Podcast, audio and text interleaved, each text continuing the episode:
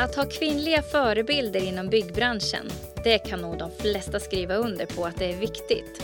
Framförallt för att få fler kvinnor att söka sig till olika byggyrken. Det ökar sakta, men fler tjejer önskas till branschen. Julia jobbar som platssättare sedan många år tillbaka och hon ska berätta om sitt yrke och hur det är att vara kvinna i byggyrket.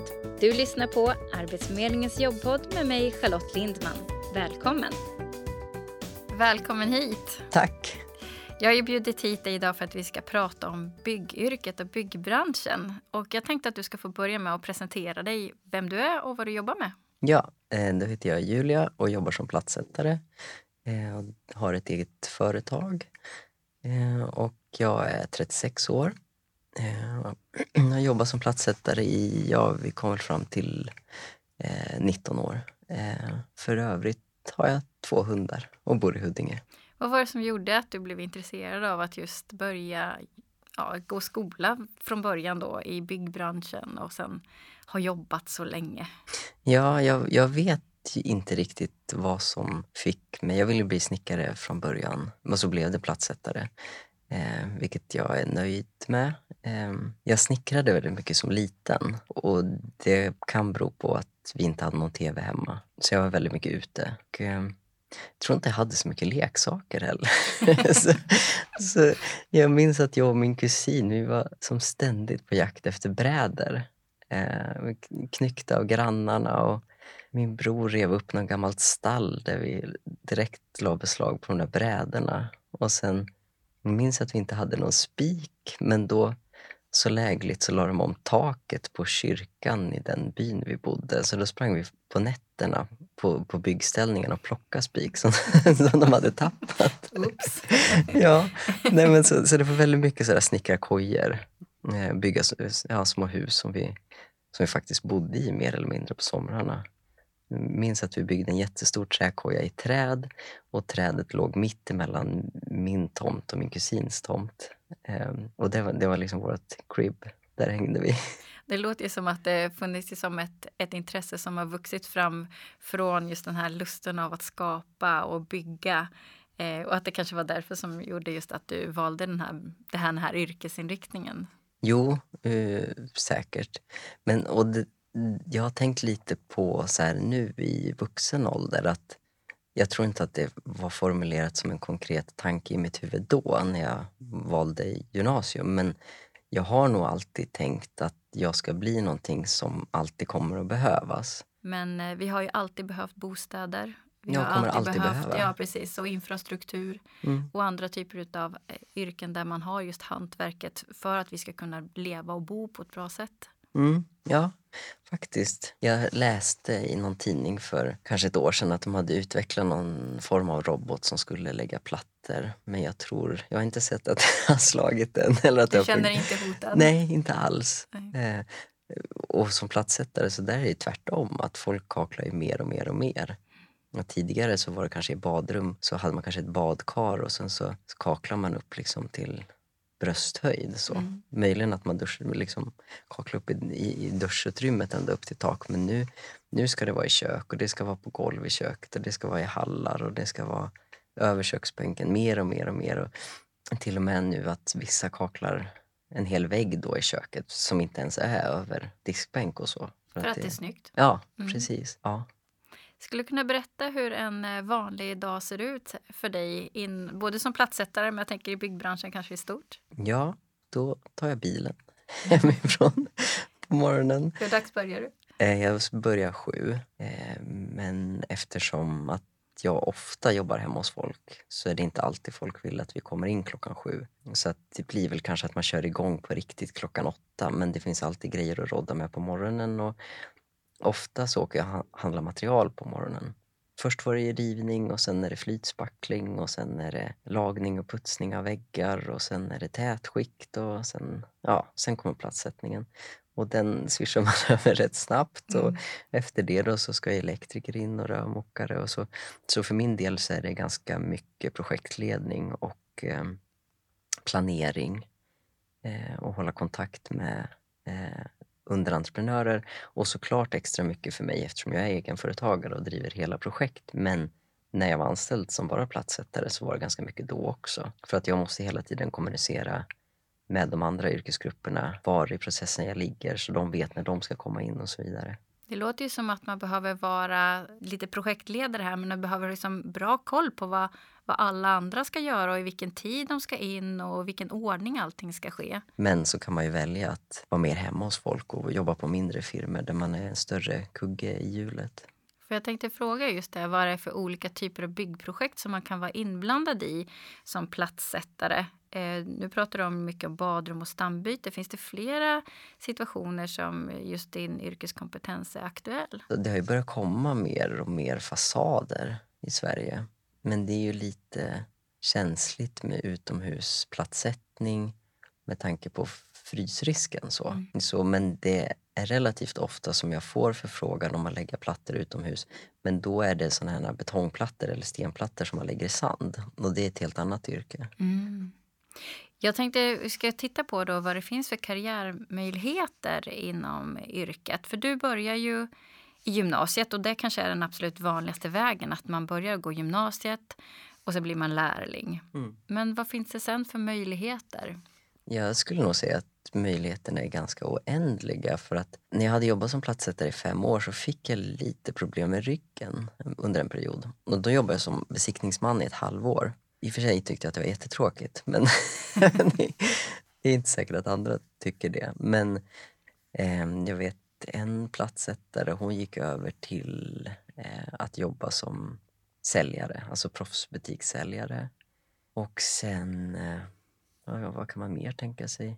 Du har ju själv gjort en karriär kan man ju säga, för du har ju gått, eh, du har ju delvis eget företag. Ja, jo precis. Jag vidareutbildade mig till bygglärare. Och det med. Ja. Är det något mer?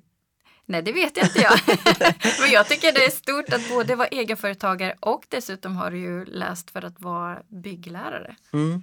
Jo, jo den, det, jag, jag är ju färdig bygglärare men jag har aldrig jobbat med det på riktigt. Så jag... Men det är någonting för framtiden kanske? Mm. Men det, man har liksom den i grunden så finns det flera vägar att ja. gå. Oh, ja. Som du sa, både inom som säljare eller projektledare, starta företag, lärare mm. eller då eh, som här senaste att man blir byggnadsingenjör. Byggyrket har ju traditionellt sett varit väldigt få tjejer i branschen men det, det är ju fler tjejer som är på ingång eller som är det växer ju, det är fler och fler tjejer. Men hur skulle du vilja säga att det är att vara tjej i branschen? Jag skulle säga att idag så är det betydligt bättre än för bara tio år sedan.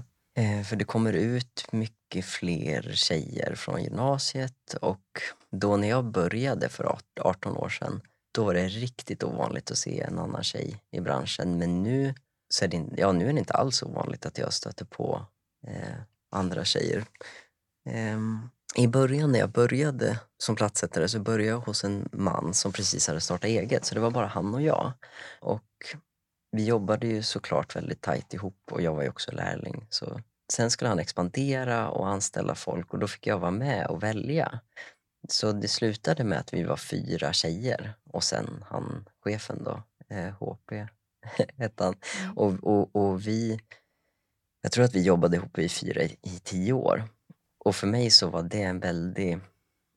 Det underlättade väldigt mycket att ha det stödet i dem. För att om vi kom in på ett bygge och som jag hade gjort då tidigare som ensam tjej och det är kanske 150 män och man är ensam tjej. Eh, jag tyckte nog att det var, jag ska inte säga läskigt, men man är ju en uppenbar minoritet. Mm. Man får många blickar på sig och det är också så att skulle, om man gör någonting fel, eller om jag gjorde någonting fel då, så vet ju alla att det var den där tjejen som gjorde ett mm. bakfall eller vad det nu kan ha varit. Men var det Kalle som gjorde det? Det är ingen som vet vem Kalle är bland 150 Kalle. Mm. så, och, men då när vi var liksom fyra tjejer och kom in på ett bygge, då, det var, ja, men då kände jag mig trygg. Det, mitt syfte med att ha många kvinnliga anställda och många underentreprenörer, det var liksom inte bara för att jag skulle känna mig trygg och så, utan det var också för att förändra branschen. För att jag tycker att hur man än ser på saken så kommer vi in med olika perspektiv. Om det bara jobbar vita heterosexuella medelålders män i en bransch så kommer de in med sitt perspektiv. Men tar man in flera perspektiv så kommer man hitta nya lösningar, nya sätt att lösa saker. Och, eller jag tänker så här, alla borde få vara med och bygga för alla ska ju bo. Så. Mm. Och alla ska utnyttja byggnaderna och hemmen och kontoren och allt vad det är. Mm. Mm. Men eh, vad tror du att man skulle kunna göra för att få tjejer och fler tjejer att bli intresserade av branschen? För, för det behövs ju uppenbarligen fler tjejer för att få olika perspektiv. Alla ska använda husen som man bor i, ska använda badrummet, köket och allt där platssättningen är till exempel, eller i byggprojekten. Eh, har du någon idé på hur vi ska få fler tjejer att bli intresserade av och vilja söka sig till just gymnasiet till exempel? Ja, det finns flera sätt som jag ser det.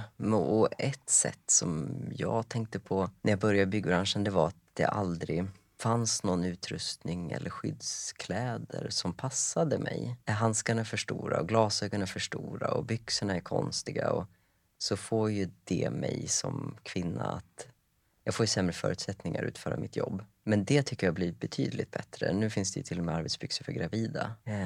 Så så det, det, det, tycker jag det kommer på bred front från både det är Snickers och blåkläder och allt, alla de, att nästan alla har liksom en kollektion för kvinnor. Men i och för sig då så tycker jag det är bäst när de gör så unisex-kollektioner därför att alla kroppar ser ändå olika ut och, och jag har ändå liksom herrmodellerna för det passar min kropp bäst. Men, eh, men, ja, men så det är ett sätt att anpassa, också verktyg. Eh, och ja, skyddsutrustning och kläder. Jag tänkte fråga också eh, om det är några särskilda egenskaper man måste ha eller vilka är det som passar att jobba i byggbranschen?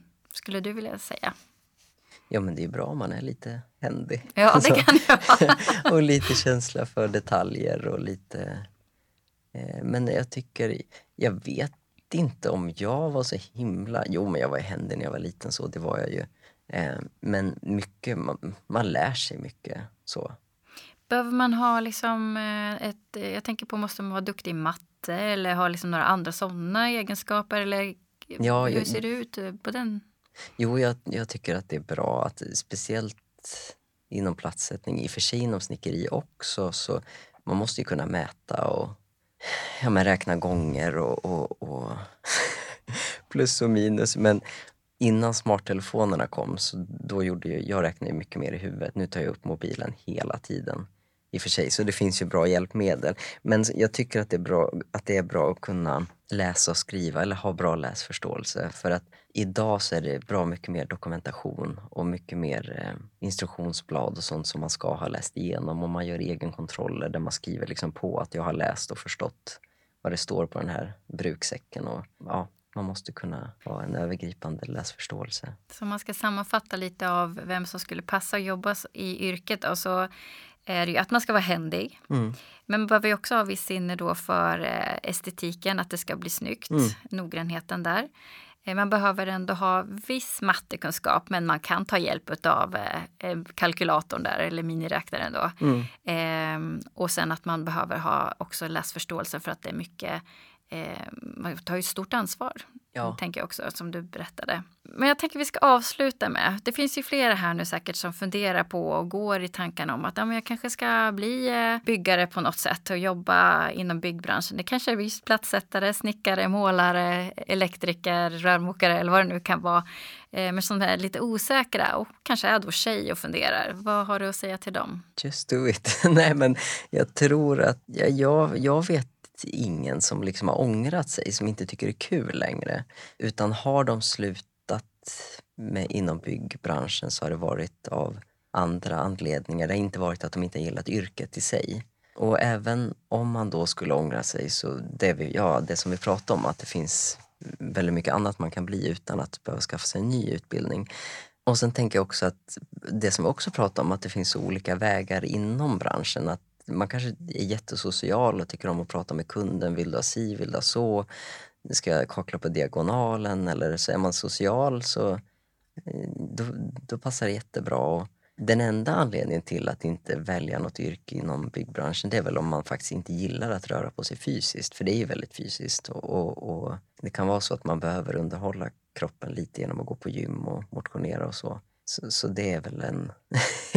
är det någon som tycker nej men jag avskyr att vara fysisk och röra på mig mycket, då, då, är, då är det kanske inte rätt yrke. Men ja, man får vara kreativ och man får ta i och man får som sagt planera. Och, och, och det är oftast ett väldigt fritt yrke. Så. Det får avsluta den här podden för idag. Jag vill tacka dig så jättemycket för att du kom hit och berättade, Julia. Ja, tack för att jag fick komma och förhoppningsvis inspirera fler. Du har lyssnat på Arbetsförmedlingens jobbpodd med mig Charlotte Lindman. Dagens gäst Julia Schaffer Flemk. Dagens tekniker Sylvester Jan. Har du tips på vad du vill att vi ska prata om i Arbetsförmedlingens jobbpodd så skriv till podcast arbetsförmedlingen.se. Nästa vecka är vi tillbaka igen med en ny spännande gäst och ett nytt ämne. Vi hörs!